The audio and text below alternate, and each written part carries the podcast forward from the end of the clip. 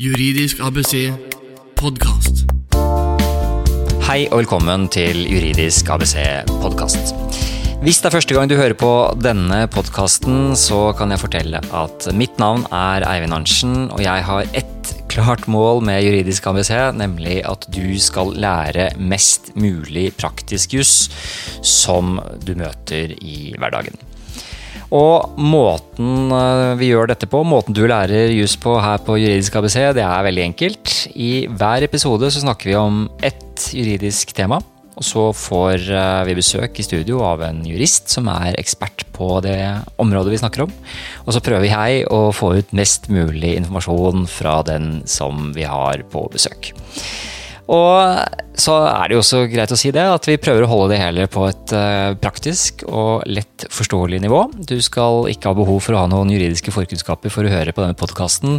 Jeg ønsker rett og slett at du skal uh, lære juss, og forhåpentligvis også synes at juss er gøy, og da skal vi prøve å holde det på et sånt nivå at uh, vi lærer mest mulig, uten at det blir for tørt og faguttrykkorientert.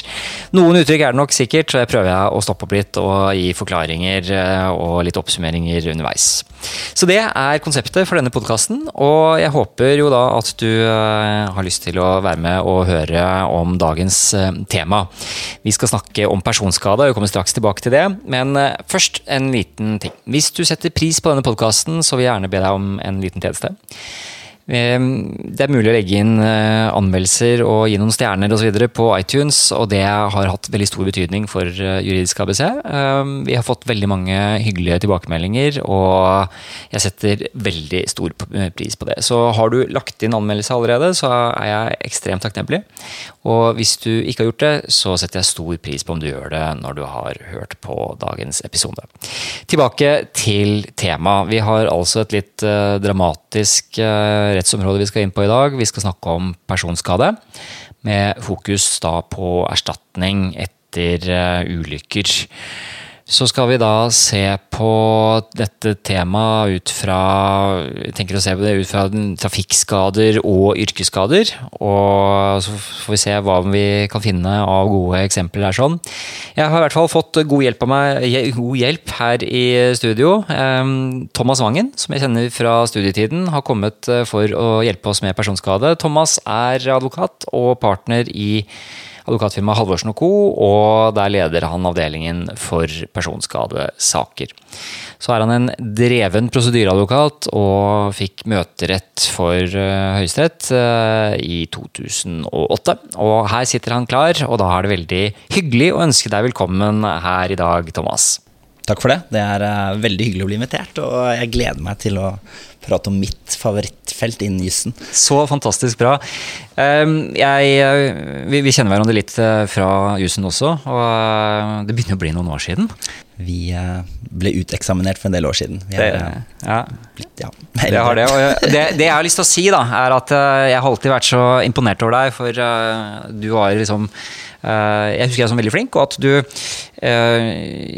Du gikk jo rett ut fra jussen begynte som advokatfullmektig, og det gikk jo fader ikke mange år før du hadde fått deg møterett for Høyesterett også, og du har jo da jobbet med dette dette fagområdet som vi skal snakke om nå, i mange år? Er det tilbake til 2001-2002? Ja, 2003, så jeg har jobbet med dette i 15 år. I, det, i det samme firmaet. Ja. Vært meget lojal arbeidstaker. Det har vært en periode hvor mange har skiftet firmaer. Jeg har selv skiftet firma et par ganger. Men du har vært i samme firma og jobbet med de samme sakene, og på, på høyt nivå, må vi si. Altså, du har jo vært med på da, annet, å, å skape rettspraksis som man per definisjon gjør når man er i Høyesterett. Så jeg øh, kan bare si det til deg som hører på, at øh, vi er veldig glad for å ha med Thomas i dag. Og vi har jo lagt et ganske ambisiøst mål for denne podkasten, Thomas. Vi skal snakke om personskade. og det er er, det er litt som om jeg skulle vært med på en podkast og snakke om arbeidsrett, føler jeg. Og det er så veldig mange underproblemstillinger som vi kan snakke om.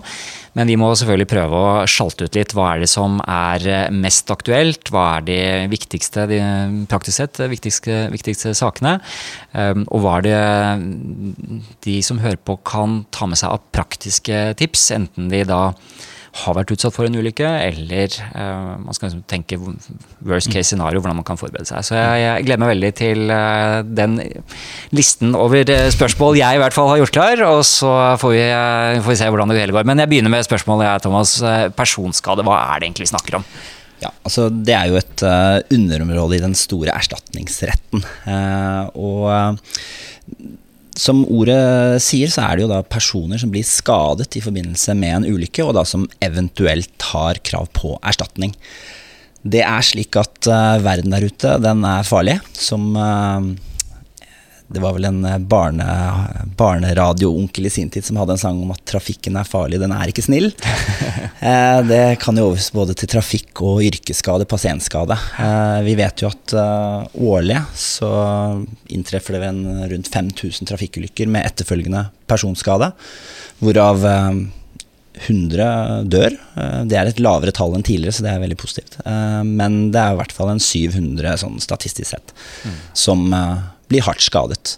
Når det gjelder yrke, så uh, faller folk ned fra stillaser og snubler i dørterskler. Mm. Uh, og det meldes jo inn en 22 000 i henhold til statistikken uh, tilfeller med personskade hvert år, hvorav halvparten av det defineres som alvorlige. Mm. så er det jo en, en, en, sjanger, altså pasientskadesakene, hvor man ser et økende tilfang av klagesaker til Norsk pasientskadeerstatning. Eh, og de hadde i 2017 en 6000 klagesaker, eh, eller hvor folk mente de hadde krav på erstatning etter svikt eh, ved sykehusene. Eller leger, behandlere og den slags. Slik at det er, det er en farlig verden. Det er farlig å kjøre bil, og det er farlig å være på jobb, og det er farlig å bli operert. Ja, og så er det jo slik da at disse personene som blir skadet, svært mange av de får jo livet sitt kastet helt rundt. De får en svekket helse. De Kanskje de må redu jobbe redusert. Uh, de er kanskje ikke like sosiale som tidligere, og de kan få økonomiske problemer. Og Da reiser jo spørsmålet seg om de kan ha krav på erstatning. Altså er vilkårene oppfylt? Og eventuelt hva kan de ha krav på erstatning for? Altså hvilke poster er det, og eventuelt hvor mye kan man få i erstatning? Så det er jo utgangspunktene. Eh, som i all erstatningsrett så er, må jo disse tre grunnvilkårene eh, være oppfylt. Det vet jeg at dere har snakket om i tidligere episoder her. Men det er altså at det må jo foreligge et ansvarsgrunnlag. Eh, man må kunne liksom på en måte rette pekefingeren mot noen som skal betale en erstatning. Dernest må det være en årsakssammenheng, altså en sammenheng mellom det som skjer og den skade som opptrer, og det økonomiske tapet. Og til slutt så må det jo selvsagt da også oppstå et økonomisk tap. Eh, vi vil jo i samtalen, Eivind, eh, komme litt eh, mer inn på det spesifikt og gi noen knagger der. Men disse vilkårene må være oppfylt, hvis ikke har man ikke krav på erstatning. Så med det så kan vi jo så smått bi oss inn på det. Jeg syns det kanskje var greit bare innledningsvis, vi diskuterte jo det litt tidligere, å bare få frem at vårt firma, advokatfirma Halvorsen Co., vi representerer kun skadelidte. Ja. Det har vi gjort gjennom 30 eh, år. Uh, og vi er et team på syv advokater som jobber kun med det. Det gjør at uh, dialogen vi har nå, da, kan bli til en viss grad farget av det. Men vi skal selvsagt prøve å være så balansert som mulig. og ikke komme for mange slengbemerkninger. Nei da, jeg, jeg, har veldig eh, sans for at du presiserer det. Det er litt sånn som uh, innenfor arbeidsretten når jeg jobber, så er det noen som bare jobber på den ene siden av bordet. Veldig mange jobber på begge sider, altså både arbeidsgiver- og arbeidstakersiden. Uh, men jeg har forstått at innenfor ditt fagområde så er det ganske spesialisert. og, jeg har veldig Eh, sans for respekt for, og jeg tror det veldig, høres, høres, veldig fornuftig ut. At man da er spesialisert på si, hvordan kan man håndtere forsikringsselskapene. For det er vel eh, Det er klart at de har sin agenda, og, og, og da må man eh, ha kjennskap til hva skal si, triksene de har. Ja, De som driver av et visst omfang her, er veldig spesialiserte. Mm. Og det kan til en viss grad være litt polarisert. Men jeg tenker at uh, det kan være greit for alle å vite at det er en veldig gjensidig respekt mellom partene her. Man møtes ofte, det er lite miljø, uh, mm. slik at uh, man kan være uenig i sak, men man kan også Det at man kjenner hverandre godt, gjør at man til fordel for klienten kan finne gode løsninger. Man kan lett plukke opp telefonene og si hva tror man om dette eller dette? Og så får man forhåpentligvis gode løsninger, for det er jo det som er intensjonen her. Med hele erstatningsretten er jo hvordan komme fram til et riktig erstatningsoppgjør for den konkrete skadelidte i denne konkrete saken. Det er det som er vår målsetning, og det, det gjelder enten du er, representerer skadevoldersiden eller skadelidtesiden. Så er man litt uenig, men det er jo greit nok. Og Da er du jo egentlig inne på det. Vi har, vi har hatt noen podkaster om forhandlinger og forhandlingsteknikk. Og eh, den gamle myten om at det er en form for krig, mm. sånn som man har sett i Hollywood-filmer, den er jo det er veldig langt fra virkeligheten.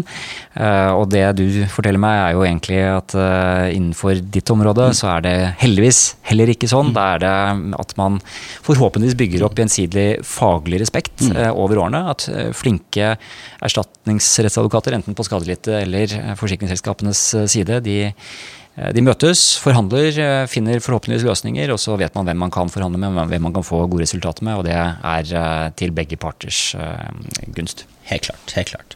Og da er man jo inne på et litt sånn, i hvert fall fra vår side, som vi mener er viktig, og det er jo å tenke nøye igjennom fra nærmest dag én etter at noe skjer, og tenke på å bygge en god sak. Eh, og det vil jo for så vidt også motparten være fornøyd med, fordi at da er de sikre på at ikke du utbetaler en feil erstatning til en person som ikke skulle hatt krav på det. Slik at eh, et godt tips til, eh, sånn innledningsvis til alle som dessverre skulle være utsatt for en ulykkeshendelse, vil jo være at man tenker nøye igjennom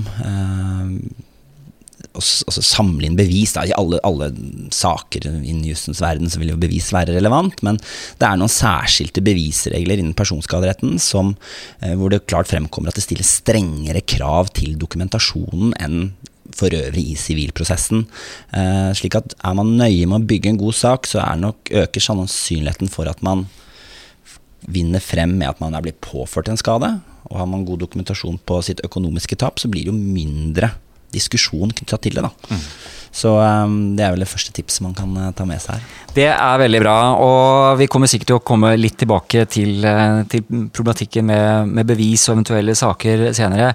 Jeg tenkte det, Thomas, og, uh, som et liksom utgangspunkt for de altså den nærme liksom gjennomgangen av, mm. av jussen og problemstillingene her, sånn, både jussen og det praktiske, uh, og, og, gi deg en liten case. Og Eh, jeg prøvde å tenke liksom, hvordan, det, hvordan vil det være hvis jeg skulle være uheldig og havne i en, eh, i en situasjon hvor påført en personskade. Og jeg kom til å tenke på uh, året før jeg begynte på jussen. Da hadde jeg sommerjobb for å tjene opp litt penger. Man trengte jo litt, Det var ikke bare studielånet man kunne leve av.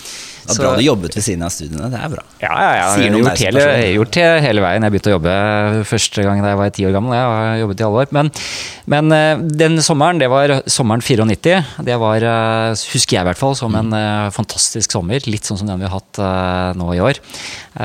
Varmt og fint og sene sommerkvelder.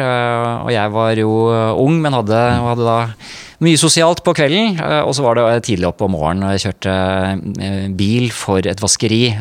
Kjørte rundt med arbeidstøy til forskjellige verksteder i hele Østfold. Så jeg, var, jeg kjente alle garderobene til eh, mekanikerne stort sett i, i Østfold.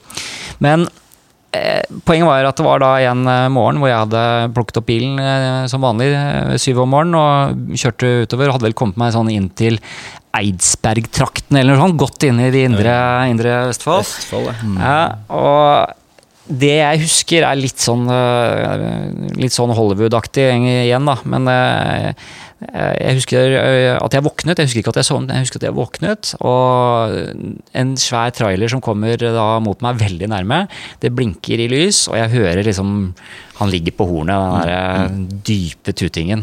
Jeg får kastet bilen til side i siste sekund. Kjører inn, parkerer. Aldri gått fra å være så trøtt til så våken på så kort tid. Eh, hjertet hamrer. Og jeg tenkte fader, hva kunne ha skjedd? Mm, mm. Og tenker jeg, Thomas, hva, hva, hva, hadde skjedd si det hadde smelt, og jeg mm. hadde fått en alvorlig skade, havnet kanskje på Sunnaas, eh, vært heldig å overleve, men, men uh, allikevel, det er så mange konsekvenser. og jeg tenker Kanskje vi kan bruke det som utgangspunkt eh, for en case. At jeg, la oss se for oss at jeg er uh, kommet i en sånn type situasjon, og så ringer jeg deg og sier nå trenger jeg uh, hjelp.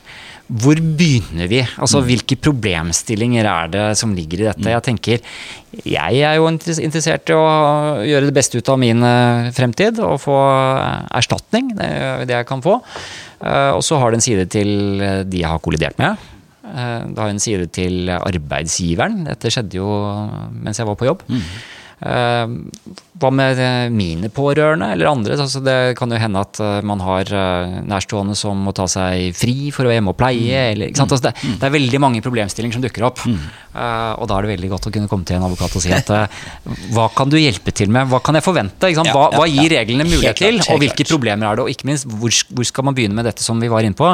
Med bevis og sørge for at vi, eh, at vi bygger en best mulig sak også. Eh, det var bra det gikk fint, Eivind. Det, Det gjorde jeg det. glad for. Men det er ikke alltid det gjør det. Og da, hvis vi tar utgangspunkt at det ikke gikk så bra i dette caset, da, som du sier, så er det som du sier, det reiser mange problemstillinger. Eh, for det første er det jo deg som skader litt. Uh, du er på arbeid, og du kjører en bil. Det betyr jo at vi får en eh, kombinert uh, trafikkskade og yrkesskadesak, hvilket eh, åpner eh, Altså gir deg en eh, økt, eh, økte rettigheter både i forsikringen, men også eh, gjennom folketrygden og Nav-systemet. Det kan vi jo snakke litt om. Du nevner jo at du er trøtt selv. Kan det være slik at du da har skyld i dette? Er det sånn at du faktisk må tåle en reduksjon i erstatningen fordi at du medvirket til kollisjonen? Det er et, det er et forhold. Og så må man selvfølgelig, eh, kan jeg si det nå innledningsvis også, det er jo at disse sakene tar ofte veldig lang tid. Slik at eh, hvis du oppsøker meg relativt raskt etter en ulykke, så handler det om å kartlegge hva er det akutte nå, men hvordan ser vi for oss det videre løpet i denne saken. Eh, Det kan jo være at dette går kjempefint, at du faktisk restituerer deg, kommer tilbake i arbeid som eh, sjåfør og eh, ikke lider noe økonomisk tap. Og det er jo de beste sakene, eh, egentlig. Eh, Så for deg så er det jo disse tingene som eh, skal vurderes, og da er vi både inne på ansvarsgrunnlag, årsakssammenheng og utmåling. Ja, og til det siste så er det, for du sier jo kanskje kanskje jeg kommer tilbake til jobb som sjåfør, men jeg hadde jo kommet inn på jussen, så jeg, var jo, jeg jobbet jo som sjåfør og syntes det var helt strålende, men jeg hadde jo andre planer senere i livet. Mm, ikke sant. Så tenker jeg denne lastebilsjåføren. Altså det er jo ofte, så er det jo, i hvert fall i trafikkulykkesakene, så er det jo ikke bare singelulykker. Det er eh, i hvert fall to parter involvert. Eh, og vi ser jo det at uh, trailersjåfører og sånne ting, altså deres kjøretøy brukes ofte som eh, vegger for folk som ønsker å ende livet sitt. Eh, har den personen som helt uskyldig blir kastet inn et, et erstatningsrettslig vern, og det kan vi jo si allerede nå at vedkommende har.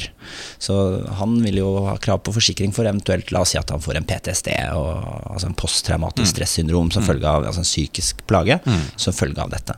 Så de, de andre partene som er involvert i en ulykke, om det er passasjerer eller om det er uh, andre kjøretøy, de har et vern. Eller fotgjengere, for den saks skyld. Altså.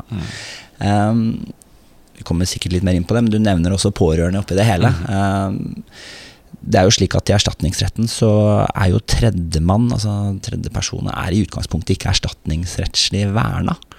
Eh, slik at eh, hvis en Men her, her er det en del detaljer skal sies, men utgangspunktet er at man ikke har krav på erstatning. Eh, men selvsagt eh, man, er man på Ullevål, Sunnaas og den slags, så utviser eh, forsikringsselskapene en romslighet og, og, og dekker utgifter til reise, opphold og sånne ting også for den nære familien. Og hvis de liksom må bruke av feriedager, så kompenserer de det. Eh, Det er ofte veldig uproblematisk. Mm. Men hvis det er snakk om da på lengre sikt, at eh, man blir nervøs og faller ut av jobb fordi altså hele hendelsen har preget deg veldig, så er det i utgangspunktet ikke krav på En pårørende som blir ufør fordi det var en voldsom påkjenning Mm. at eh, nærstående ble, ble utsatt for en skade, vil i utgangspunktet i hvert fall ikke Nei, ha noe nei, rettigheter. sånn sett. Så um, er det andre tilfeller hvor f.eks. Hvis, du har krav- hvis du har behov for stor, altså mye pleie og omsorg Mm. etter La oss si at du havner i rullestol, så vil det jo kunne reise seg problemstillinger om Altså Hvis man trapper ned stillingsprosent for å, altså Din kone for eksempel, da, trapper ned stillingen sin Mm. for å følge opp deg i hverdagen, eh, så vil jo da enten hennes inntektsreduksjon kunne kompenseres, eller at det vurderes som en merutgift. Altså at du som skadelidte må betale henne.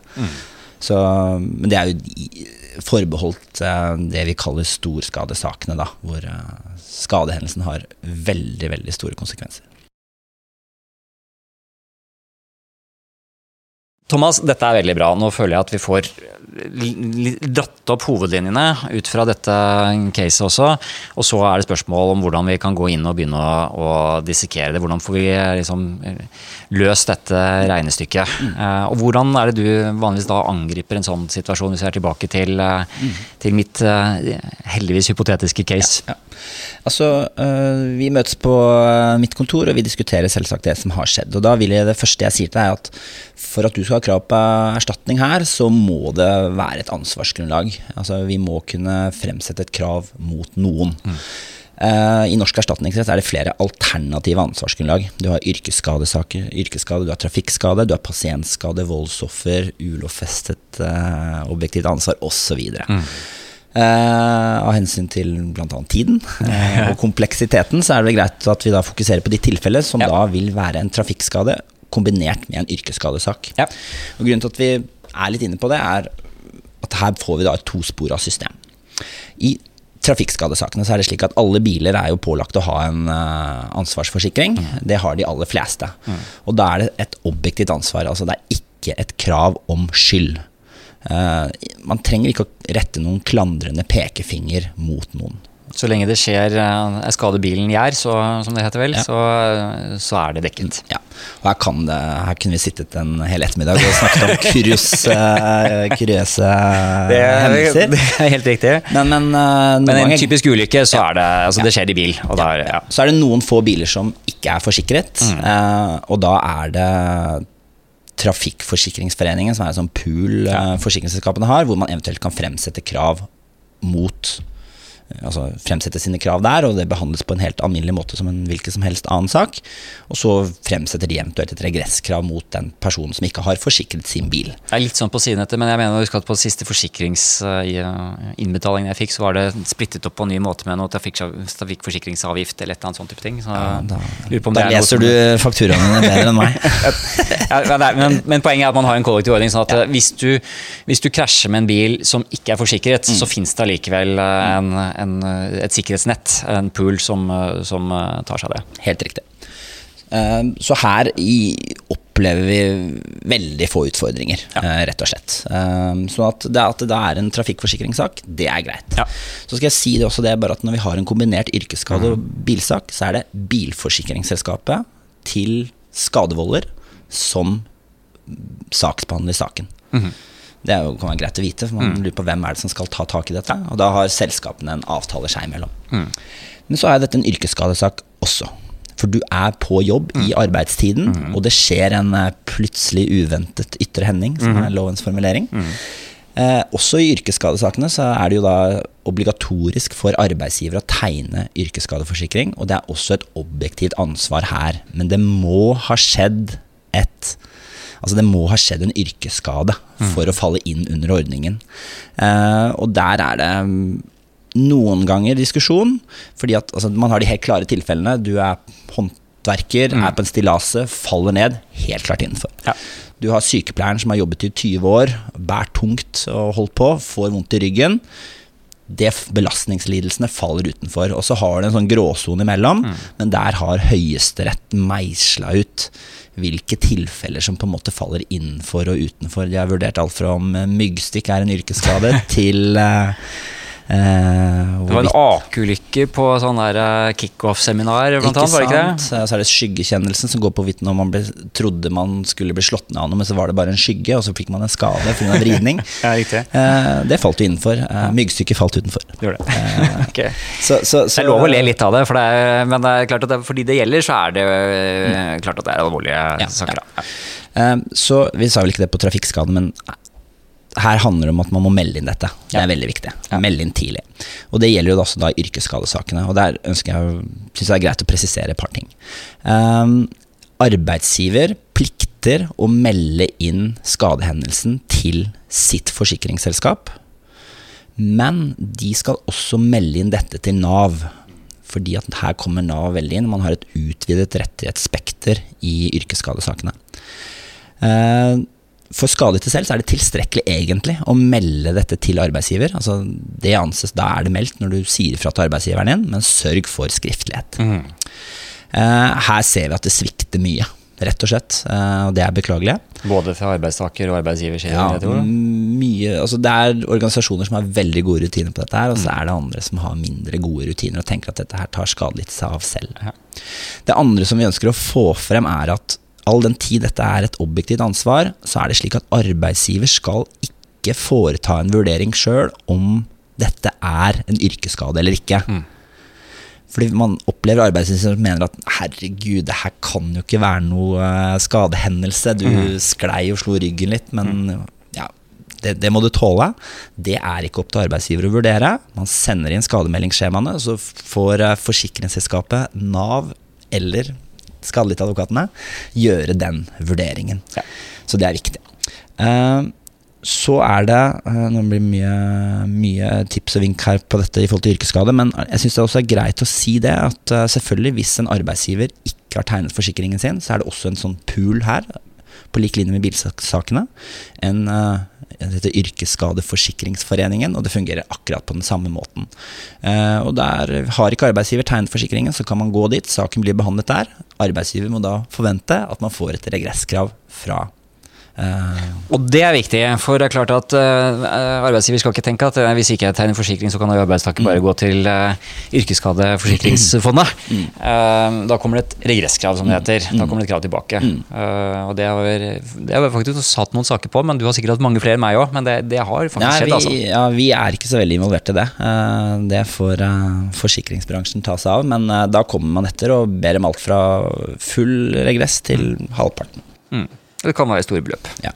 Så, når vi først snakker om å få forsikringsdekning, da, det finnes mange små bedrifter der ute. Uh, med, må man drive helt selv, eller eh, bare få ansatte. Så man passer på at alle er omfanget, omfattet av det, selv eierne. Ja. Når man er i virksomheten. Det, der ser vi dessverre at noen, eh, for å bruke god norsk, dummer seg ut eh, på det. Og av en eller annen merkelig grunn så har vi mange bønder som ikke sørger for å ha forsikring for seg selv. Eh, og, og, og i landbruksnæringen, Der der skjer galt, det altså. mye. Ja. Ja. Eh, så, og så en siste ting. Det er, og det er veldig aktuelt, da. Eh, arbeidsgivere tenker selvfølgelig på kostnader til enhver tid. Et, først et tips som kan være bra for arbeidstakeren. Eh, Den alminnelige yrkesskadedekningen omfatter ikke reise til og fra jobb. Eh, og den eh, skadelidte har heller ikke krav på det som heter menerstatning, så fremt ikke skaden har en varig medisinsk invaliditetsgrad på 15% eller høyere.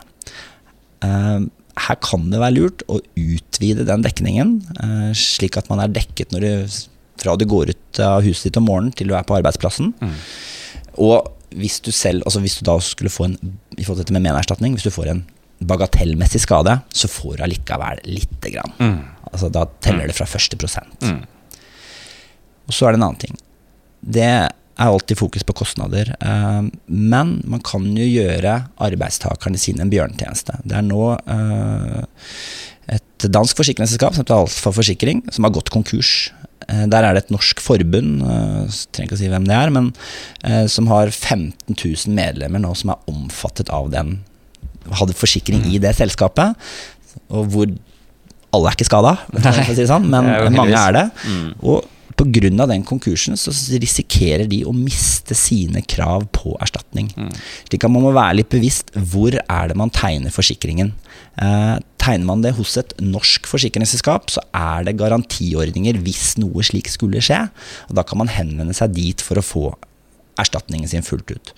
Eh, I disse alfasakene nå så er det risiko for at skadelidte får, ikke får erstatning, eller bare får noe erstatning, altså dividende. Så obs, obs, eh, vær oppmerksom på det.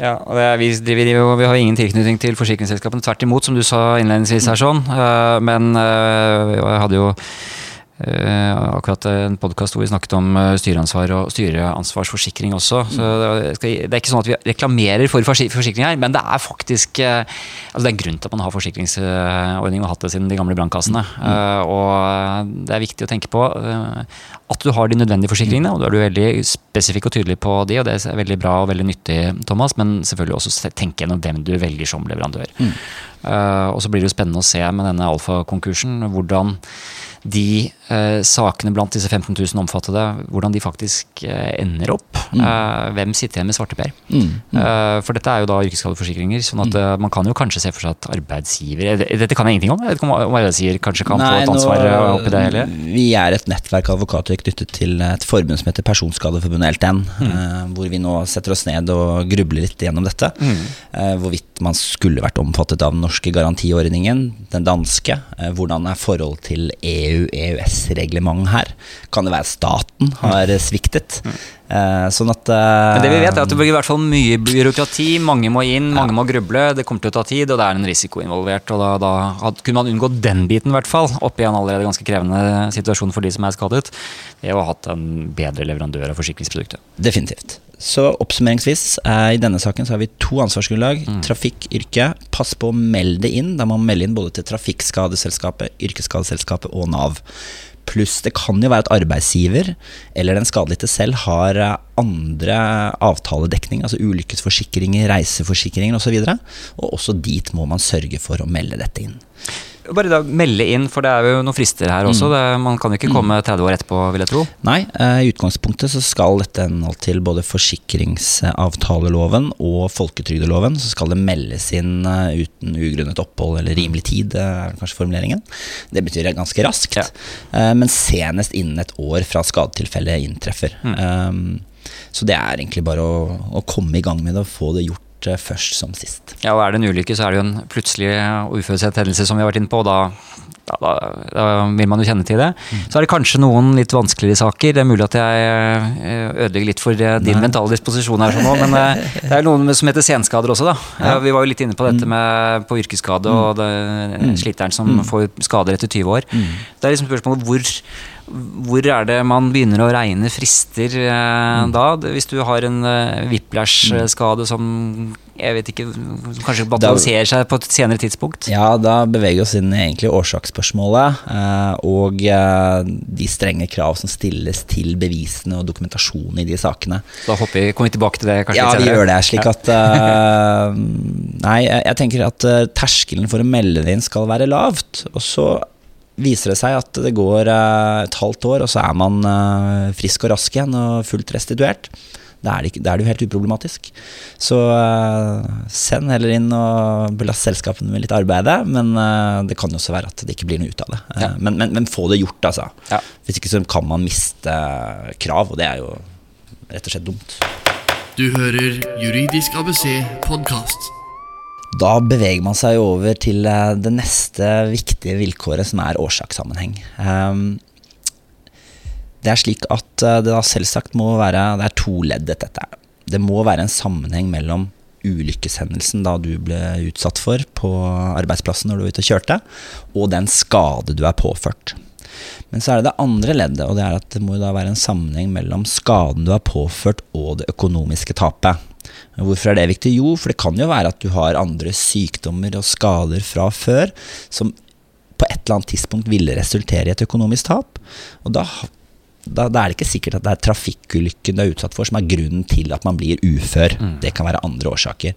Akkurat det kan være litt vanskelig for skadelig skadelidte å forstå en del tilfeller, hvor man f.eks. får en sykdom som på en måte man har over lang tid, og så blir man utsatt for en uh, kollisjon. Eh, da er det jo lett å rette pekefingeren mot forsikringsselskapet, Um, men så kan det faktisk være slik at man ikke får noe erstatning, fordi at man ville fått det tapet uansett. Så eh, årsaksvurderingen er toleddet. Jeg skal ikke ta noen eh, inngående gjennomgang av reglene her, men jeg syns det er greit å bare si da at i norsk erstatningsrett så er det betingelseslæren som er utgangspunktet. Og man stiller spørsmålet da, når du var ute og kjørte, Eivind, eh, er det den ulykken en nødvendig betingelse for skaden og skadefølgenes inntreden? Det er det enkle spørsmålet man stiller, og er svaret ja, så har du utgangspunktet krav på erstatning. Conditio sine qua non, men jeg husker det het på latin. Men det var et eller annet som du bedre med på de poppet opp fra gamle dager her, sånn. Men, ja, Ja. men en betingelse hvilket uten intet, var vel det som er oversettelsen. Altså Hadde ikke dette skjedd, så hadde det ikke vært en tap. Ja. Og så er det selvfølgelig slik at dersom det er samvirkende årsaker til at man får en skade, så hefter allikevel forsikringsselskapet fullt ut. Altså hvis man har litt vondt i nakken fra før, og nå får vondt i nakken etter en kollisjon, og de eh, partene sammen er tilstrekkelig for å utløse et økonomisk tap, så hefter forsikringsselskapet fullt ut. Unntakene for forsikringsselskapene er da hvis trafikkulykken du da når du krasjet, hvis det var en uvesentlig årsaksfaktor, så eh, altså dråpen som får begeret mm. til å flyte over, tua som velter lasset, mm. da hefter ikke forsikringsselskapet. Da får ikke de ansvar. Og så er det selvfølgelig en adekvansvurdering, altså påregnelighetsvurdering, mm. som må finne sted her.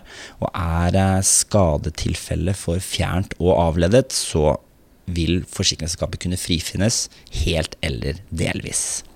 Nå blir det mange uh, juridiske begreper. Ja, sånn. ja. Kan, vi, kan, vi, lage et eksempel? Fins det et eksempel fra rettspraksis uh, eller noe fra din praksis, uh, det kan være begge deler, som illustrerer dette? På regnlighetsvurderingen? ja. ja altså det var en sak som var oppe for Høyesterett, hvor skadelidte fikk noen psykiske plager etter en kollisjon. Og så var det spørsmål om dette da var for fjernt og avledet. Mm. Det viser seg, jeg skal ikke gå inn i alle detaljene, men altså, han hadde fått en psykisk reaksjon. Mm. Men så var det hadde det en direkte tilknytning til ulykkeshendelsen, eller var det andre mm. ting som kom inn litt sånn fra sida, mm. som medførte det? Det viser at denne skadelidte som følge av at han da blei skada, eh, ikke han skulle delta i sånn verdensmesterskap i dart i Las Vegas. Mm -hmm. Det ble ikke noe av, for han var skada. Eh, kona gikk fram, mm. og ja, ballen begynte å rulle ordentlig. Og da men, ja, selvsagt. Eh, men da mente Høyesterett at alle disse andre forholdene virket inn, og selve ulykkeshendelsen ble for fjern og mm. avledet i det årsaksbildet. Mm. Det er ett eksempel. Men uh, det skal litt til for å avskjære erstatningsansvar på adekvans tersk. Altså, det erstatningsrettslige vernet, altså prinsippet om at man har krav på full erstatning, har et sterkt vern mm. i norsk erstatnings... Eller har en, en, sterk posisjon i norsk erstatningsrett. Og det skal mye til, sånn som jeg i hvert fall vurderer det, mm. uh, å avskjære erstatningsansvar med henvisning til uh, adekvansspørsmålet. Og de sakene man ser i høyesterettspraksis, tillater jeg meg å si, er jo ganske spesielle. Mm. Uh, så Men gå opp tilbake til uh, mitt tenkte scenario mm. her, sånn, så ville det jo vært uh, tenker jeg, ganske mye enklere å fastslå ja. sammenhengen. Altså det, det skadetilfellet vi, vi, har brukt som eksempel her, er jo helt klart. Mm. Ikke sant? Altså, I mange sammenhenger så er det helt klart. Ulykken er årsak til skadene ja. og skadefølgene. Ja. Um, altså når det er liksom, Brekker du beinet, mister et bein, får en alvorlig hodeskade altså, Det er helt klart at det er en sammenheng. Mm. Men så har vi jo disse sakene hvor det er ikke objektivt konstaterbare skader. Hvor mm. folk får vondt i nakken, vondt i ryggen, lettere hodeskade, hvor liksom begynner å surre litt og, og sånne ting. Da reiser jo spørsmålet seg er det ulykken som er årsaken til dette her, mm. eller eller er det bare sånn som ville kommet uansett? Fordi at i befolkninga generelt så er jo rygg- og skjelettplager altså, Unnskyld, skjelett, uh, muskel- og mm. skjelettlidelser mm. er jo det som forekommer mest. Det, liksom, det pluss psykiske uh, sykdommer mm. er jo hovedårsaken til at folk blir uføretrygda i mm. Norge, og det skjer uavhengig av et traume. Eh, så de sakene er veldig komplekse. Det er der vi virkelig diskuterer årsakssammenhengen. Eh, og der har eh, Høyesterett i det som heter Nakkesleng 1-dommen De har akkurat fått nye navn, disse dommene. Ja. Så Nakkesleng 1 og etterfølgende 2 og 3 har man jo formulert fire vilkår som må være oppfylt for at man får skade. Det for å skille skadetilfeller etter en traume mot muskel- og skjelettlidelser som opptrer uavhengig av et traume. Uh, og dette er utgangspunktet medisinske prinsipper. Mm. Uh, jeg skal ikke gå inn på det noe annet enn å si at um, det er, stilles krav til at en ulykkeshendelse har en viss skadeevne. Mm. Plager må oppstå i, en akutt, altså i et tidsnært rom til ulykkeshendelsen, altså det som heter akuttfasen. Mm. Uh, og så må plagene vedvare fra denne tidsnære fasen og fram til en kronisk senfase. Så altså du må være i en kollisjon med litt krefter involvert som gjør at du kan bli påført en skade. Så må du ha akutte symptomer i løpet av null til tre dager i nakkeslengskadesakene, vel å merke. Eh, Og så må det være en kontinuitet, altså en bro fra denne tidlige fasen til den kroniske senfasen. Og det er jo litt tilbake til det du nevnte i sted med sånne senskader. Eh, Hvis vi vrir litt på eksempelet, da. Ja, la oss si at du bare ble jeg, jeg, påkjørt. jeg havnet ikke på Sunnaas, men uh, det smalt, og jeg ikke sant, ble veldig satt ut. Og kom hjem, og så hadde jeg litt vondt i ryggen og nakken og var litt stiv de nærmeste dagene. Så ble det verre. Og så begynte jeg på jusen da, på, på høsten. Og så viste det seg at men jeg klarer ikke å lese. Jeg klarer ikke å sitte på lesesalen. Dette fungerer ikke. Det har sikkert noe med ulykken å gjøre. Og så går jeg til forsikringsselskapet og sier at jeg skulle egentlig bli advokat, men eh, pff, det, nå, jeg tror kanskje jeg blir ufør. Ja. Og da eh, Hvis du da ikke har noe dokumentasjon på at du har vært hos lege og behandlere, la oss si at det går et år da, før du på en måte tar kontakt med selskapet, så uh, vil de si at eh, du har ingen sak. Dette har ingenting med ulykken å gjøre. Og kommer du til meg, så vil jeg si at der står du meget svakt bevismessig, og du bør rett og slett la dette ligge. Fordi at uh, i forhold til disse fire vilkårene uh, Det siste vilkåret er litt sånn kompleks, så det trenger ikke å gå så mye inn på. Det gjelder andre årsaker, om det følger et uh, traumatologisk riktig skadeforløp og sånt, sånne ting. Men det som er greia der, er at i Høyesterett, i den nakkesleng 1 og nakkesleng 2, så er det laget presiseringer av bevisreglene eh, for, for denne skadetyper. Og Oppsummeringsvis kan man si at det stilles et veldig strengt krav til dokumentasjonen, i særdeleshet i den tidsnære fasen etter at en ulykke skjer. Så har du ikke vært hos eh, legen de første to ukene etter at en ulykke skjer, du krasjer, tenker at ok, dette går over, jeg ser litt an, tar noen Paracet og Ibux, men går til legen først etter 14 dager, så stiller du svakere. Og kanskje du går til legen da, men så sier legen at eh, Eivind, dette kommer til å gå bra. Eh, gjør de vanlige tingene du pleier å gjøre, så kommer dette til å gå over. Og så venter du et halvt år til. Da kan du like gjerne pakke sammen den saken. Mm. det, ingen domstol i Norge vil gi deg støtte eh, i en sånn sak. Slik at dokumentasjonen er svært viktig. og eh, men Det forutsetter jo selvsagt at du har vondt, men da har du vondt, så er oppfordringen å gå til legen og sørge for å få journalført dine plager og symptomer. Og ikke minst, eh, et lite tips til skadet er, les hjernejournalen selv. Be om å få utlevert journalen fra legen, for å se om legen din skriver det du har sagt. For der er det veldig mye varierende kvalitet. Og når vi vet at Høyesterett har sagt at journalen eh, og hva som står der er det viktigste beviset i denne type saker, så sier det seg selv at da må man være veldig påpasselig hva som står der.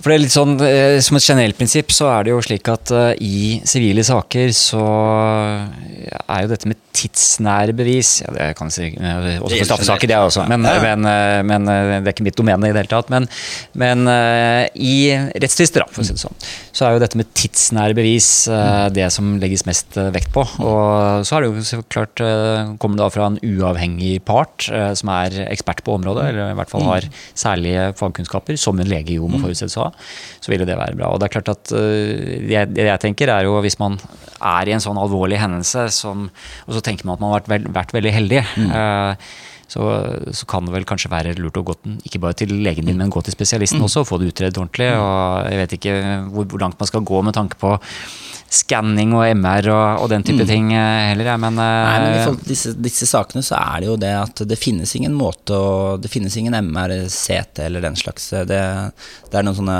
forsøk og eksperimenter her og der eh, hvor man tror at man ser en skade. Eh, Men domstolspraksis har tatt stilling til det, om det er liksom konkluderende bevis, akkurat som DNA eller, mm, et røntgenbilde, for den saks skyld.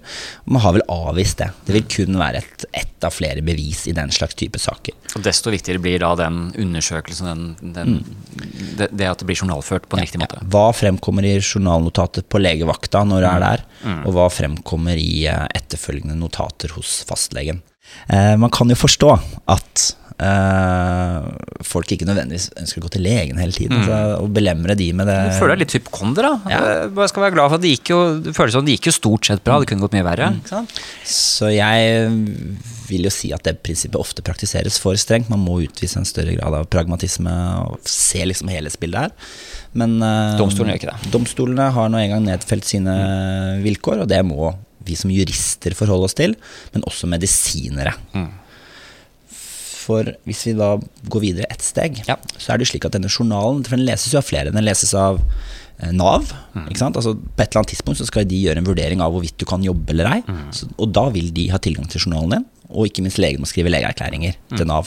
Kjempeviktig at alt står, at det er en uttømmende opplisting i journalen. Forsikringsselskapet leser det, øh, vi som representerer skadelidte leser det. Men så er det jo slik i skadesaker. Dersom det viser seg at en skade blir varig, så blir man på et eller annet tidspunkt henvist til en spesialist for å gjøre en oppsummerende vurdering av hvorvidt man kan ha blitt påført en, ulykke, unnskyld, en skade i denne ulykken eventuelt skadeomfanget. Samt at spesialisten skriver en del funksjonsbeskrivelser og litt sånne ting. Så, og den spesialisten får jo tilgang til alle eh, dokumenter i saken. Skademeldinger, journaler, journaler fra fysio, sykehusrapporter osv. Nav-dokumenter, eh, men vedkommende gjennomfører også selvsagt en undersøkelse og, og, og samtale med skadelidte. Og dette spørsmålet om spesialist og den spesialisterklæringen som kommer, er kjempesentralt i disse skadesakene. Høyesterett eh, har uttalt eh, altså Det følger av tvisteloven at man har behov for sakkyndig eh, hjelp i alle typer saker, kanskje eiendom, hva det enn måtte være, men også i personskadesaker. Men i denne Nakkesleng 1 så ble det presisert at man er helt avhengig av det, for sånne saker reiser kompliserte medisinske spørsmål. altså erstatnings, Personskadeerstatningsretten er et grenseland mellom juss og medisin, Ja. hvor medisinske årsaksbegreper skal forenes med det juridiske, og det er ikke alltid lett. Men Høyesterett sier da at man må ha medisinske sakkyndige i denne type saker uh, for å få et forsvarlig beslutningsgrunnlag. Og det gjelder jo ikke da bare domstolene, det gjelder jo også da på saksbehandlingsstadiet, når partene skal vurdere hvorvidt en skadelidt har et krav. For det er jo umulig å stå i en rettssal og skulle bevise uh, med liksom noen, noen dokument, eller med noe, med noe realbevis, altså noe, med noen gjenstander, eller med, og vi, vi peker på kroppen og vise, beviser at noen har f.eks. en nakkeslengskade. Du må jo selvfølgelig ha en spesialist som har gått inn og tatt de undersøkelsene eh, i de riktige omgivelser med det riktige utstyret tilgjengelig osv. Og, så og, og da må jo retten nødvendigvis være prisgitt de konklusjonene denne spesialisten får etter å ha brukt sin kompetanse forhåpentligvis da på beste måte til å ta de vurderingene. Ja, sånn at eh, når domstolen oppnevner en rettsoppnevnt sakkyndige, så vil jo selvsagt eh, konklusjonene til den sakkyndige være av stor betydning for sakens utfall. Og når den rapporten foreligger, så eh, gjør begge parter en ny prosessrisikovurdering. Altså man vurderer Det er nesten som en dom. Det sånn, det skal være ærlig å si at eh, det i hvert fall skal, den blir tillagt stor vekt. Eh, så du får litt mer oppoverbakke hvis det er en negativ konklusjon for deg, uavhengig av hvilken side du sitter på bordet. Så det er viktig. Men derfor så er det jo også svært viktig at man finner frem til en medisinsk sakkyndig som har den relevante kompetansen. Om det skal være en ort? Altså, Hvis du går på det skadetilfellet ditt opprinnelig, hvis det var veldig alvorlig, så vil det kanskje både være snakk om ortoped for å vurdere knusningsskader, nevrolog for å vurdere nevrologiske problemstillinger.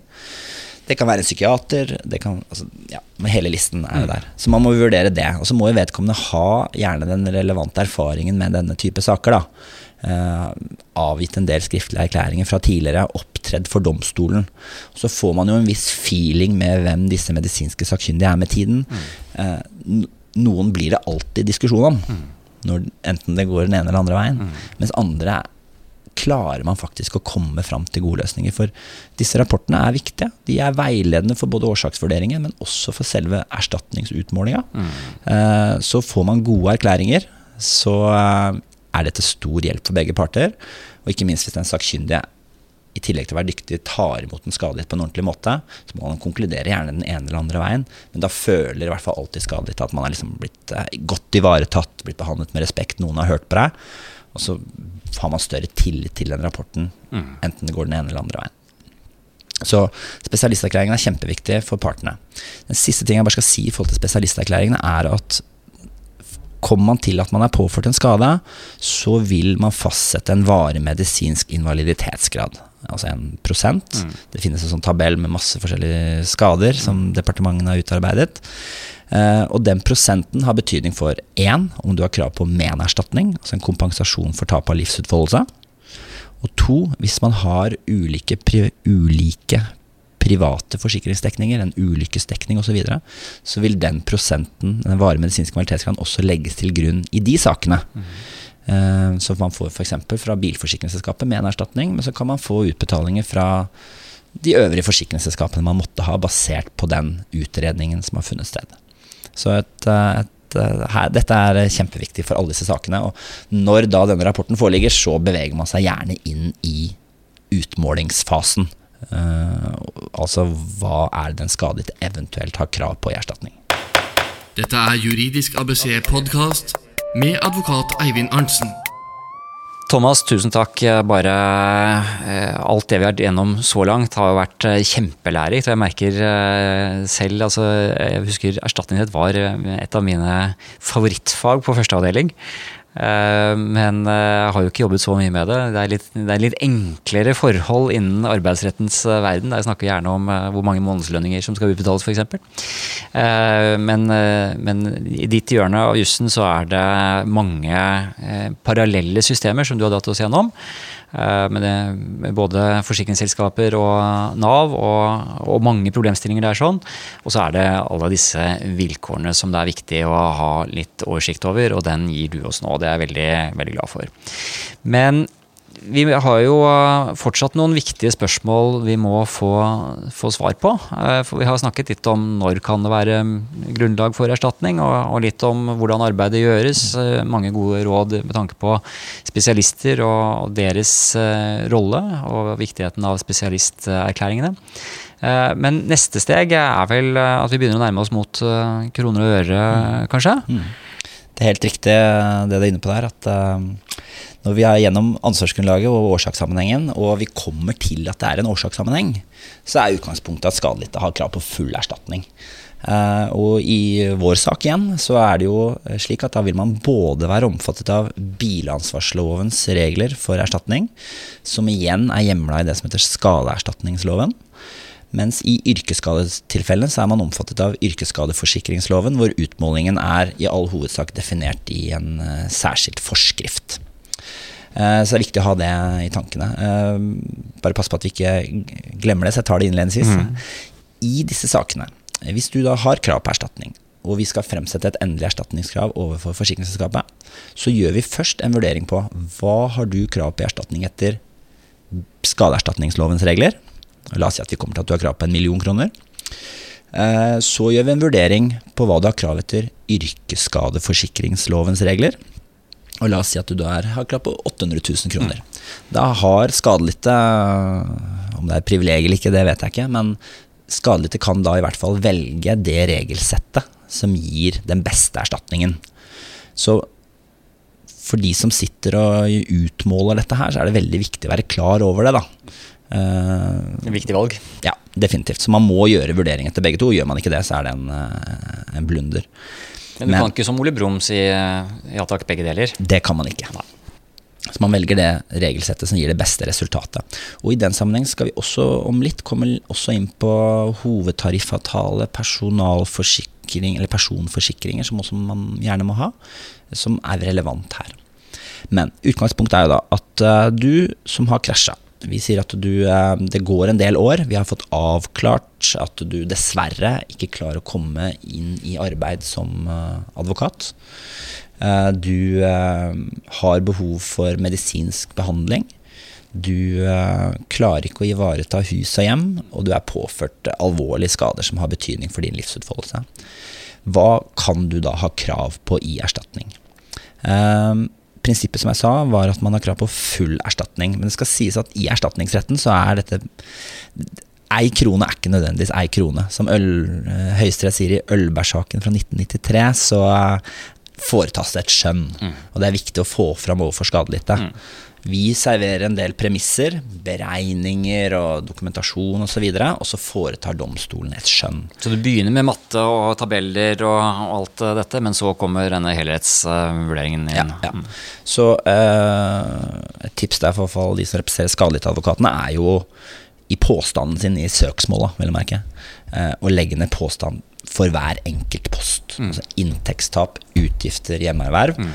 Eh, fordi hvis man bare tar en sånn punkt 1 til, dømmes, altså forsikringsselskap A dømmes til å betale erstatning fastsatt etter rettens skjønn, eh, så kan sannsynligheten være at man får litt mindre, for da gjør domstolen kanskje et totalvurdering av erstatninga. Kontra i det andre tilfellet som jeg nevnte, så må man ta stilling til hver enkelt erstatningspost. Så det er jo Og dette er jo eh, er- Dels er det jo et litt smalt tips til eh, de andre personskadeadvokatene på skadelidtesiden der ute, men det er jo også et generelt prinsipp som eh, jeg tenker er eh, igjen med en knytning til forhandlingsteknikk og forhandlingsteori. Så dette med å være spesifikk på poster, selvfølgelig også kreve mest mulig. Eh, Alt er eh, saklig grunnlag for å argumentere for at det er grunnlag for, Eh, men å, å være veldig spesifikk eh, og, og diversifisert i kravene. Så det er eh, jo et eh, generelt prinsipp man kan ta med seg videre også. Definitivt. Og da ser vi jo på altså Det er et differanseprinsipp som legges til grunn. Vi ser på hva ville det hypotetiske forløpet vært for deg hvis du ikke var blitt skada, kontra det som er det faktiske. Eh, og hensynet at du skal få altså, Det skal være gjenopprettelse, rent økonomisk i hvert fall. Eh, man blir aldri nødvendigvis da frisk, men man skal få en kompensasjon for å kunne leve et fullverdig liv.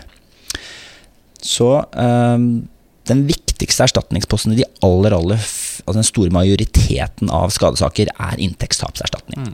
Så man har altså krav på påført og framtidig inntektstap, altså fra da ulykkeshendelsen inntreffer og frem til pensjonsalder. Det er liksom hovedregelen.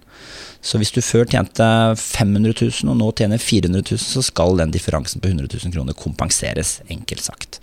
Og som jeg sa, i de aller fleste skadesaker så er dette den mest sentrale erstatningsposten. Det betyr at eh, all den tid det kan være vanskelig å få gjenopptatt skadesaker, så eh, er det viktig, i hvert fall for sånn som vi arbeider med disse sakene, at man har avklart så mye som mulig. Klarer å komme tilbake til den jobben du hadde, hvor mye klarer å jobbe. Um, og ikke minst, hvis du har klart å komme deg delvis tilbake i jobb, så kan det være lurt å prøve å stå i den jobben en stund. da Altså se Få stabiliteten. Og ha så sikre premisser som mulig for utmålinga av inntektstapserstatningen. Det er kanskje det viktigste. Og for uh, arbeidsgivere i denne sammenhengen, inntektsbekreftelse fra arbeidsgiver er uvurderlige. Og uh, vi ber alle arbeidsgivere om slike bekreftelser, og vi ber også om at de bruker litt tid på det.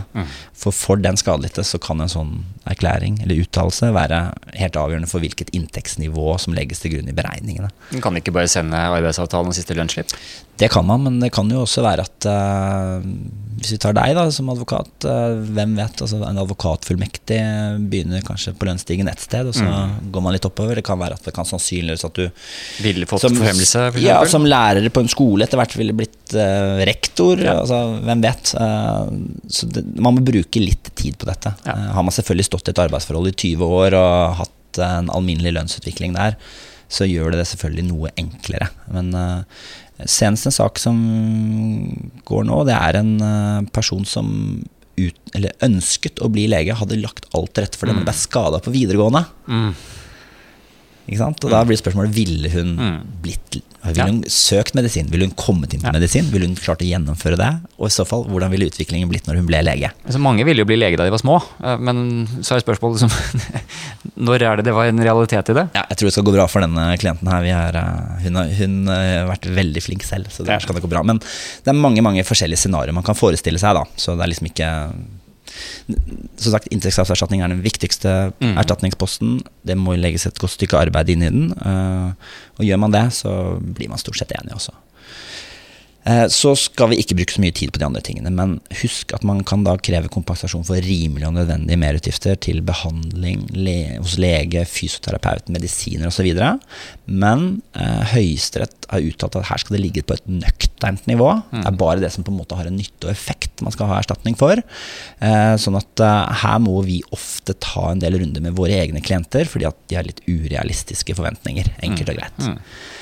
Eh, så er det noe som heter hjemmearbeidstap, og det er en post som kanskje glemmes litt. Og hva er det? Jo, altså når hvis du For å sette det litt på spissen, da.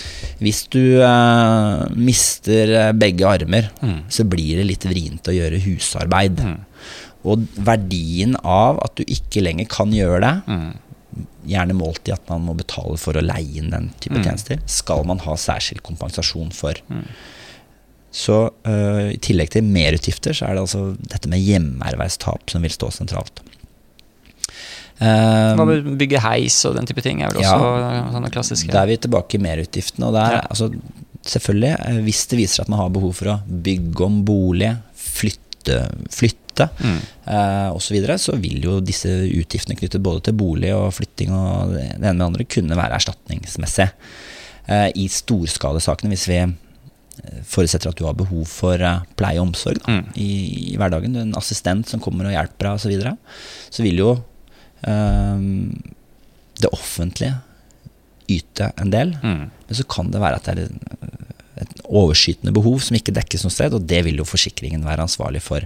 For Det kan være greit å få inn det når det gjelder alle erstatningsposter, og det er jo at det offentlige ytelsene ligger alltid i bunn. Mm.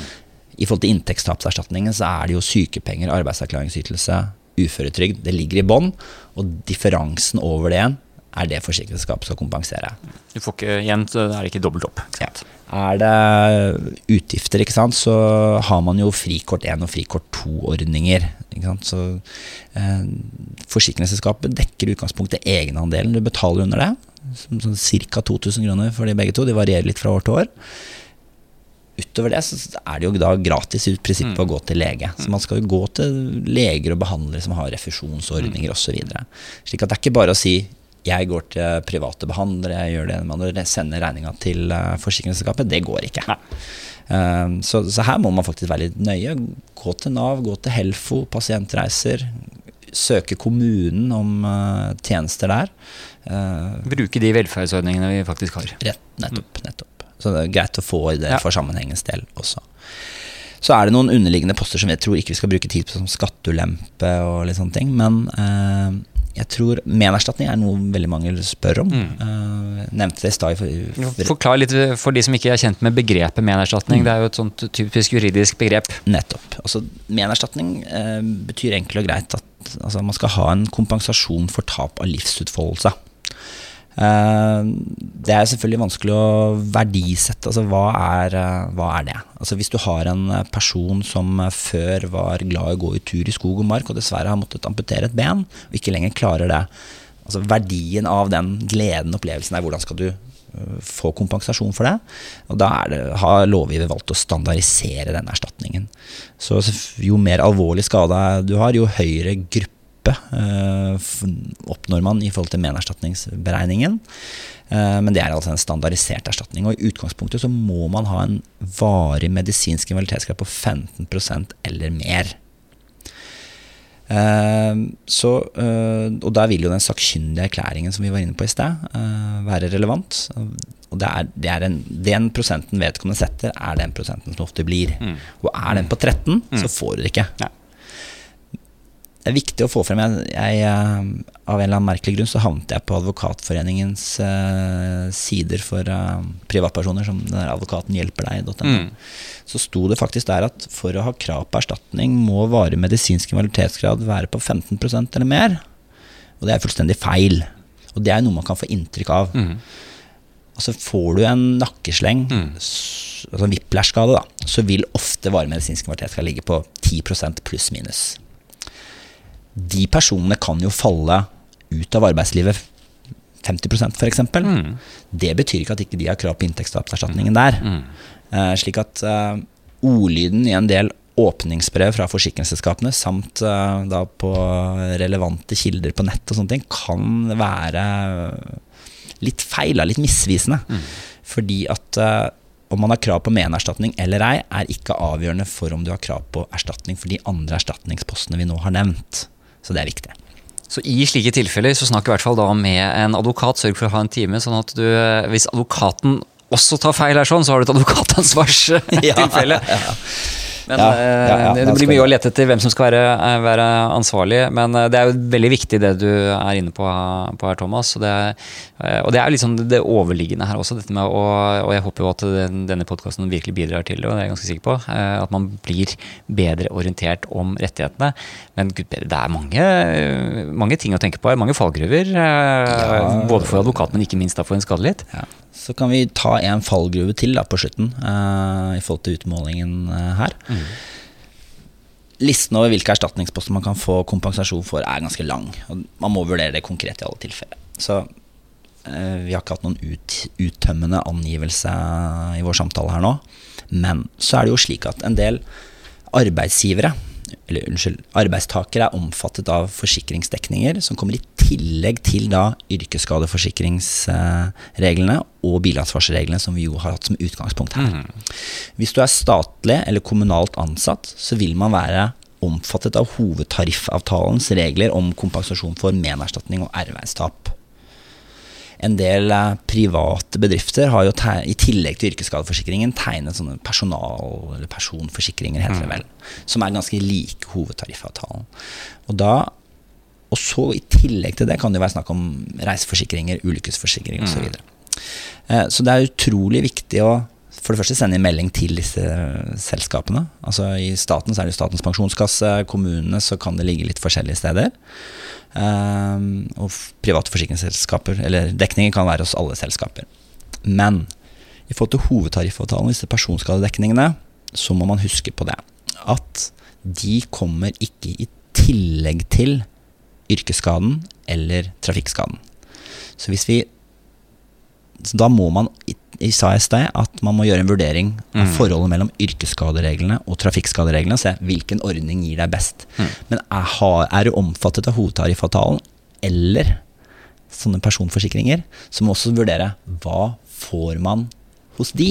Du må lese vilkårene. Ja, fordi at da er det slik at hvis eh, disse andre avtalene, hovedtariffen eller de private avtalene, gir deg en bedre erstatningsutbetaling enn det du får fra bilansvarsselskapet eller yrkesskadeselskapet, mm.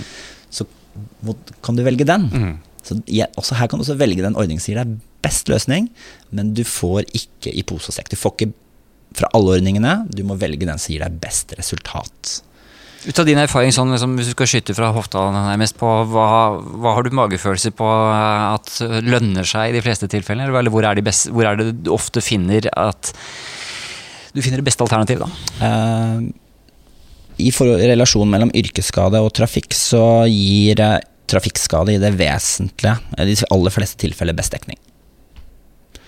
Eh, det skyldes bl.a., og det nevnte vi ikke i sted, det var kanskje litt dumt, men i, for det framtidige ervervstapet i yrkesskadetilfellene, så er det en standardisert erstatning. Mm.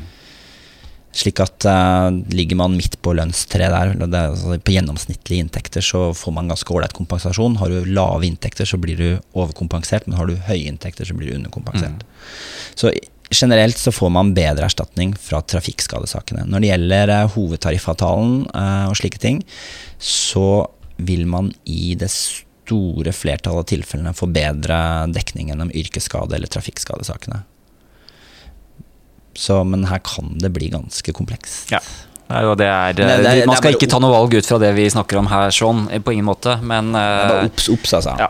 Så man må holde tunga rett i munnen og være klar over å gjøre godt grunnarbeid på vurderingene, i tillegg til eh, dokumentasjon. ja. Så ser vi altså, ser vi forskjell på personer som har mange og gode forsikringsdekninger. Altså det vi gjør innledningsvis når du kommer til oss på vårt kontor, i tillegg til å snakke om eh, kollisjonen og hvordan det har gått med deg, så vi den, går vi nøye gjennom hvilke private forsikringer har du, eller din kone, gjennom fagforening, arbeidsgiver osv. Fordi at det kan være ganske mange dekninger man er omfattet av. Det er ikke sikkert man vet om alle heller. Nei, men da sender vi brev i hytt og gevær og spør, da. Så, for det er viktig. Ja. For det er ikke noe sentralt register man kan slå opp og si at dette, Thomas Nei. Wangen har disse forsikringene? Nei, det er det ikke. Det er det ikke. Så um, ja, det, det er veldig lurt å avklare, i hvert fall. Uh, og vi skal bruke litt tid på barneerstatning etterpå. Ja. Og særlig i de tilfellene så anbefales det ha erstatning for, eller unnskyld, en forsikring for barna. Mm. Jeg tenkte bare skulle bare kort nevne at um, hvis det er slik, Eivind, at du sovna, at du har skyld i dette sjøl, og du ikke brukte bilbelte, kanskje, Mm. så kan det være at du ikke har Nei, erstatning har du krav på, men at du må tåle en reduksjon i erstatningen din for medvirkning. Mm. Ja, for det var ikke helt uten skyld, jeg heller, kanskje. Nei, det, Hvis det hadde men, men, men i hvert fall er det bilansvarslovens paragraf 7, og da må du tåle en reduksjon i det. Og så er det en generell eh, medvirkningsregel i Så hvis du kjører altfor fort, f.eks., eksempel ja, du ikke ser deg nøye, hvis du bruker mobiltelefon når du bruker, jeg, vet, jeg bare Ja, tenker sant, på det, det være en del sånne situasjoner hvor man ikke er så eh, aktpågivende og varsom som man burde være. Eh, Det, nå har vi vært vært uh, gjennom sommerferien her, uh, og jeg har sett på Facebook mange selfier av familier som er på vei til dyrepark eller uh, hva det måtte være for noe. Ja. Altså, da håper jeg at bilen sto stille da de bildene ble tatt. Ja, og det vet vi at det ikke er tilfellet. Ja. Så um, man, må, man kan tåle Eller unnskyld, man kan måtte tåle en reduksjon i erstatningen sin som følge av medvirkning. Mm. Og selvfølgelig kjøre med promille. Har du mm. stjålet bilen, ja. så får du i utgangspunktet ingen erstatning i det hele tatt. Så, um, men så, bare før vi da går over på det neste som kan være litt interessant, det er at det er mange som forvolder en ulykke sjøl, men, men allikevel kan få en skade. Da. Mm. Du forvoldte kanskje denne kollisjonen selv. Så det er, noen, det er jo gjerne noen som har gjort et eller annet dumt, da, siden det skjedde en ulykke. Ja, ja, det er ikke altså, alltid det er bare at man mister Ja, det kan være dumt, eller man kan bare føle skyldfølelse fordi man har påført noen andre ja. skade, f.eks. Ja det betyr ikke at man ikke har et erstatningsrettslig vern. For det ser vi at da, da, avstår man fra å melde dette inn. og Man tenker at jeg får ta den støyten sjøl, det er jeg som har skylda, jeg har ikke krav på noe. Eh, jeg synes det er viktig å få formidla det at de har også et vern. Mm. Selv om du må tåle en reduksjon i erstatninga di. Det er liksom uh, den uh, klandrende pekefingeren man da selv får. Så, så, kan man ha krav på en viss erstatning allikevel. Og det kan være greit å ta med seg. Og nå er jeg definitivt langt utenfor mitt område, men jeg har jo inntrykk av, så får du si det, det er du som kan dette, eh, men at eh, den avkortningsprosenten mm. er ikke nødvendigvis så høy som man kanskje skulle tro. Selv om, man, selv om jeg hadde sovnet og, og kjørt uten bilbelte, mm. så er det jo Jeg får ikke 90 avkortning. Jeg hadde ikke fått det, tror jeg. Nei, I den grad vi har noen tommefingerregler, så kan vi si at utgangspunktet for manglende bilbeltebruk er 25 reduksjon i erstatningen. Ja. Det er utgangspunktet som Høyesterett har uh, satt, og så kan den reduseres av ulike forhold. Uh, mm. Høy hastighet og sånn, jeg ville si at det ligger på rundt 30-50% beroende på forholdene. Mm. Uh, så, men det er en konkret vurdering. Men 50% er veldig mye bedre enn null. Det er det definitivt. Så, men altså, det, av og til så er det sånn at våre klienter må tåle den smekken. Mm. Enkelt og greit. Og det mm. må vi erkjenne. Og vi kan ikke mm. være sånne vi, vi må tilbake til troverdigheten dere ja, må ha da, i, i, deres eh, forhandlinger med forsikringsselskapene. Definitivt. Og det er litt eh, sånn, Nå begynner vi å, å, komme mot en avslutning her, så, mm. men du, du, har sagt det litt sånn implisitt her, Thomas, også, at, at, mye av dette løses jo. Eh, og man har eh, Det er et relativt lite miljø. og eh, man møter de samme selskapene og advokatene til stadighet og, og, og bygger seg et, en relasjon til de. Eh, mange av disse sakene jeg inntrykk av, de løses jo da også mm. ved forhandlingsbordet. Mm. Altså selv om du er prosedyreadvokat og i aller høyeste grad uh, går i retten, og, og mm. som vi var inne på innledningsvis, du har jo prosedert uh, mye og vært i Høyesterett og, og, alt mulig, så, så, er det, det er jo ikke sånn at alle saker havner der. Det er ikke sånn at hvis du har et sånt type krav, så må du gå i retten, og du må regne med at du bruker mange år i rettsapparatet. Mm. Altså, rene utmålingssaker, når det er snakk om kroner og øre, mm. de løses ofte, så fremt ikke kravene er formidable. Um, de sakene som man uh, har største utfordringer med, er disse årsakssammenhengssakene. Altså mm. hvorvidt ulykken er årsak til en skade og det økonomiske tapet. Det er der gjerne kampen ligger. Men igjen, eh, anlegger man søksmål, får en sakkyndig utredning i regi av domstolen, så legger den ofte grunnlaget for en samtale mellom partene. Kanskje i form av en rettsmegling men som bidrar til å løse saken. Mm. De sakene som hvor kanskje Hvor man prosederer mest, og, og, ikke minst de sakene som har, havnet, som har vært flest ganger i Høyesterett de siste årene, er pasientskadesakene. Mm. Uh, hvor uh, de kjøres gjennom hele domstolsapparatet. Og det kan, være, det kan være veldig krevende saker, for de er også veldig vanskelig medisinsk sett. Mm. Så um, nei, det er Kunne vært et tema for en egen podkast. Ja, men uh, det er kanskje noen som sitter her når vi snakker om dette med rettssaker da, og en risiko for det det enten en trafikkskadesak eller en pasientskadesak. Uh, eller annen personskade. Det kan jo bli veldig dyrt, og mange har jo denne forestillingen, og kanskje er den, Vi må være ærlige på at det til en viss grad er rettmessig også, om at det kan bli dyrt å, å bruke advokat. Eh, det er en timesats, og det er ofte mye arbeid som må legges ned for å oppnå de resultatene mm. som mm. klienten eh, fortjener, som man bør ha. Eh, og da blir, blir regningen tilsvarende. Og særlig da i en situasjon hvor du jo nettopp er på ditt svakeste. Mm. Altså Du har vært utsatt for eh, kanskje bokstavelig talt en smell. Eh, og du har jo eh, inntektstap, du har en usikkerhet uh, med, med tanke på hvor, hvor, hvor dyrt blir dette, både med det, det inntektstapet, men også med, da, med ombygging og osv. som vi har vært inne på. Og tidsperspektivet er sånn at dette kan gå over en lengre periode. Eh, hvordan i all verdens land skal man få råd til å bruke advokat i tillegg? Det er eh, slik at de er i en vanskelig utfordrende situasjon, mange av våre klienter. Som sier de har redusert inntekt, stor usikkerhet. Eh, de er på utkikk etter noen som kan være på laget til en. Da, ikke sant? Eh, så går man til en advokat, så er man jo greit å bare presisere, da er man i utgangspunktet det er du som engasjerer advokaten som skadelidt. Du har det formelle ansvaret. Men i skadesakene, hvis man da har et yrkesskadeselskap, et trafikkselskap osv. som erkjenner erstatningsansvar, så vil advokatutgiftene bli dekket på lik linje med øvrig økonomisk tap. Slik at eh, forsikringsselskapene faktisk dekker da rimelige og nødvendige utgifter til advokatbistand i forbindelse med utredningen av saken og i forbindelse med forhandling og osv.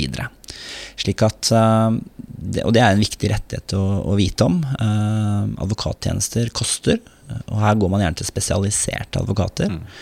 Eh, og man ønsker da å komme til noen som på en måte står opp og kjemper din sak. Da. Eh, og da er det veldig godt å ha den sikkerheten at store deler av regningen vil bli kompensert gjennom erstatningsoppgjøret. Så eh, rimelig og nødvendige advokatutgifter blir kompensert. Eh, I alle saker så starter vi rett og slett med å be forsikringsselskapet bekrefte det. Mm. og der har vi eh, i det store flertallet av sakene et veldig ryddig forhold til forsikringsselskapene i den forbindelse. De, er tjent, de ser seg tjent kanskje med at vi er på banen og bistår og veileder skadelidte gjennom hele prosessen. Eh, og skadelidte, ikke minst, eh, har en på sin side. Så kan vedkommende fokusere på rehabiliteringen, attføringen og prøve å komme seg så godt som råd er. Så, men så er det selvfølgelig noen saker så vil jo ikke advokatutgifter bli dekket. Da kan det være ordninger som fri rettshjelp, eh, rettshjelpsforsikringer osv. som kan være aktuelle. Eh, og så er det stiller seg annerledes også når det blir søksmål her, sånn da. Men eh, det, det er vel også et, et annet tema som man kan ta opp en annen gang. Ja, men det viktige her er jo uh, renord for penga, sånn som jeg forstår deg, eh, Thomas. Blir man utsatt for en sånn type ulykke, så uh, bør man ikke kvie seg for å ta kontakt med advokat fordi man er redd for regningen. Da antar jeg at man får eh, ganske raskt en avklaring, eh, i hvert fall om man tilhører eh, det du sier i de fleste sakene, eh, hvor man får, kan, kan få denne bekreftelsen fra forsikringsselskapet, og da sender ikke du regning til klienten, da sender du den til eh, forsikringsselskapet, vil jeg tro. Ja, sånn, I praksis funker det sånn, men formelt er det jo klient som er ansvarlig. Ja. Men er, det, men er det sånn at eh, klienten da får noe om å betale noe, så får refundert fra forsikringsselskapet? Nei, vi ber om, eh, vi ber om A-kontoer, altså en generell rund utbetaling underveis fra forsikringsselskapet gjennom hele saksbehandlingsprosessen, og så gjør man en endelig vurdering av kravet når saken avsluttes. Ja, så klienten har egentlig ikke likviditetsbelastningen heller? Om man, Ikke i vesentlig grad, i hvert fall. Nei. Det er veldig godt å vite. Uh, tusen takk for uh, dette krasjkurset i uh, alt som har med personskade å gjøre.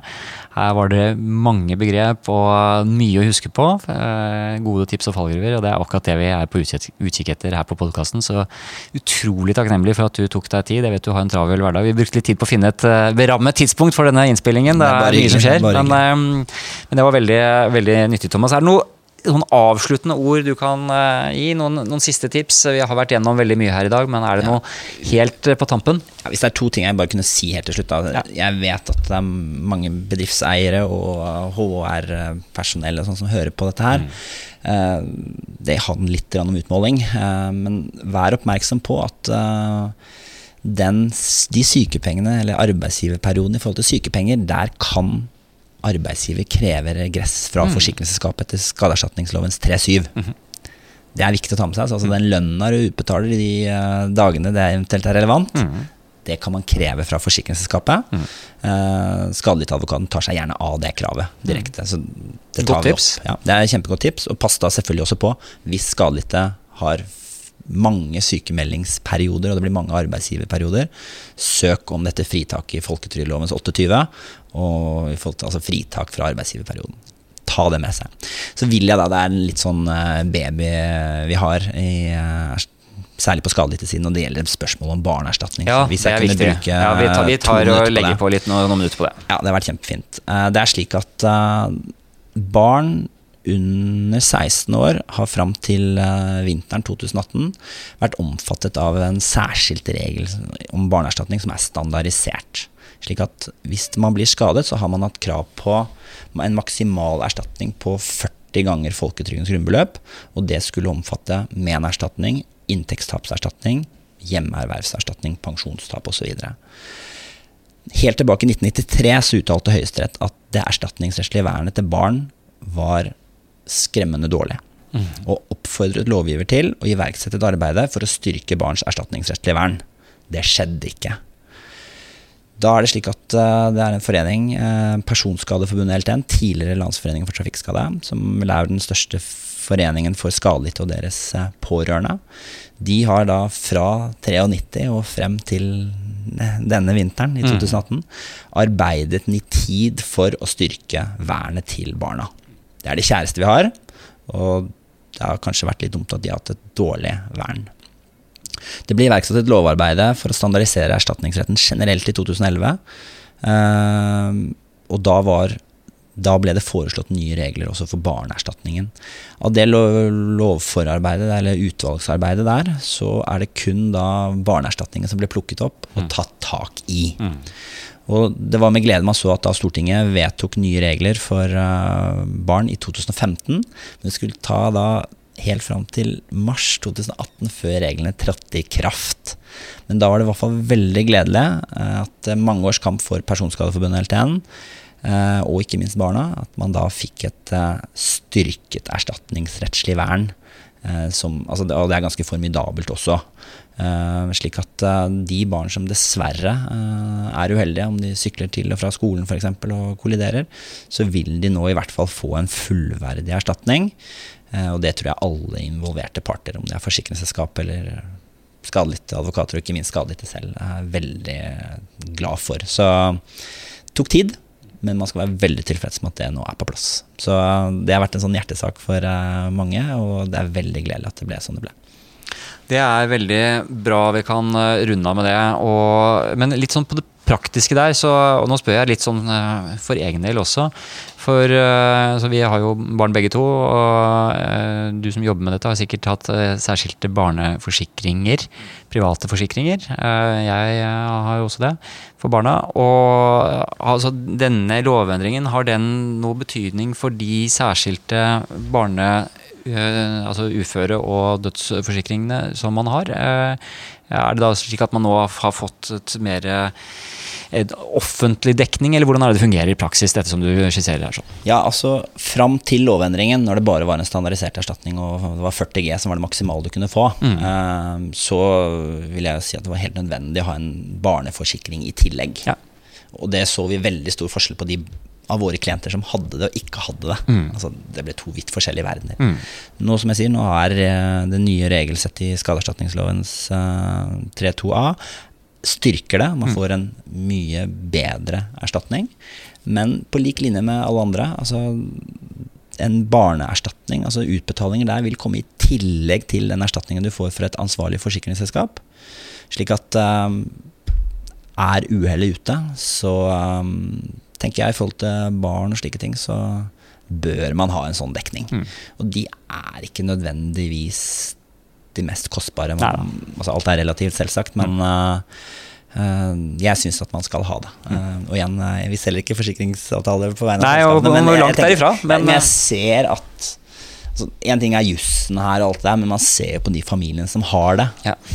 At liksom får du en er- million kroner ekstra i tillegg til det du får fra forsikringsselskapet, så gjør jo det at du kan bygge om det huset kanskje enda litt bedre enn det du opprinnelig gjorde. Du, du kan dra på, på et rehabiliteringsopphold, eller f få den fysioterapeuten som har den spesialkompetansen, som kanskje ikke får refusjon fra det offentlige, f.eks.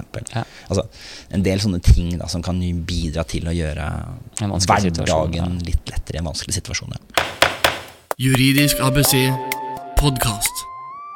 Bra. Gode tips og gode nyheter om uh, uh, jussens utvikling. Det er jo det som er litt spennende med denne podkasten også. hvordan uh, bare over de årene vi har hatt juridisk ABC, så er det jo på en del områder så skjer det endringer. Uh, jussen er dynamisk, og det å bare ha den samme gode, gamle røde boka, det fungerer ikke. jeg har i hvert fall kastet min for lenge siden, og jeg vet ikke hvordan det er med deg. Jeg ser den ikke her vi sitter akkurat nå. Det er, ja, det er Nei, og det, er, det, skjer endringer, og det er bra. Og da er det jo også veldig gledelig at vi kan uh, lage nye episoder og få med eksperter som deg, Thomas, til å lede oss gjennom uh, hva som ligger i dette regelverket. Så igjen, tusen takk for at uh, du hadde anledning til å være med her. Kan du sånn avslutningsvis si, hvis det er noen som dessverre er i en situasjon hvor de har behov for denne type bistand, hvordan kommer de i kontakt med, med deg hvis de ønsker hjelp? Ja, så Vi i advokatfirmaet Halvorsen Co. vi holder til på Lillestrøm. Mm. Vi er litt sånn provins, men uh, vi sitter godt der ute. Et kvarter fra Oslo omtrent? ikke det? Ja, ja, ja, det er blitt så sentralt. Uh, jeg skal ikke ta digresjonen, men jeg begynte å jobbe der ute for da, 15 år siden, så dere som da var mine studiekamerater, trodde jeg skulle nesten begynne å jobbe i Sverige. Nei da. Men uh, man får selvsagt kontakt med oss via våre hjemmesider og slike ting som uh, Så det generelle som jeg syns er lurt, da, er at ta kontakt med en spesialisert advokat. Enten om det er på hjemstedet ditt, eller om det er Så vi er landsdekkende, vi, da. alternativt ta kontakt med foreninger som representerer den i hermetegn skadegruppen du tilhører, så vil de også kunne sende deg i riktig retning av dyktige, kompetente folk. Da. Ja. Og det, og det, er jo et generelt tips og ganske selvsagt, men uh, bruk litt tid på å velge riktig advokat. Mm. En som virkelig kan det. Mm. Uh, det blir det samme som den, det arbeidet du må gjøre med å finne riktig spesialist for spesialisterklæringen.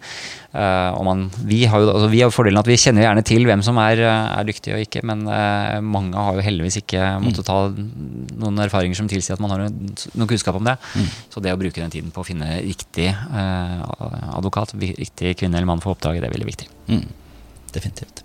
Da sier vi at det var bra for i dag. Igjen tusen takk. Tusen takk og så takker jeg også til deg som hørte på Juridisk ABC i dag. Eh, så høres vi på nytt om kort tid. Du har hørt Juridisk ABC podkast. For mer informasjon om dagens tema, se juridiskabc.no. Her finner du flere podkaster og artikler innen arbeidsrett, eiendomsrett, familierett og temaer for deg som driver egen virksomhet. Meld deg på vårt nyhetsbrev på juridiskabuseet.no. Produsert av Øystein Weibel og Kanonlyd. Kaboom!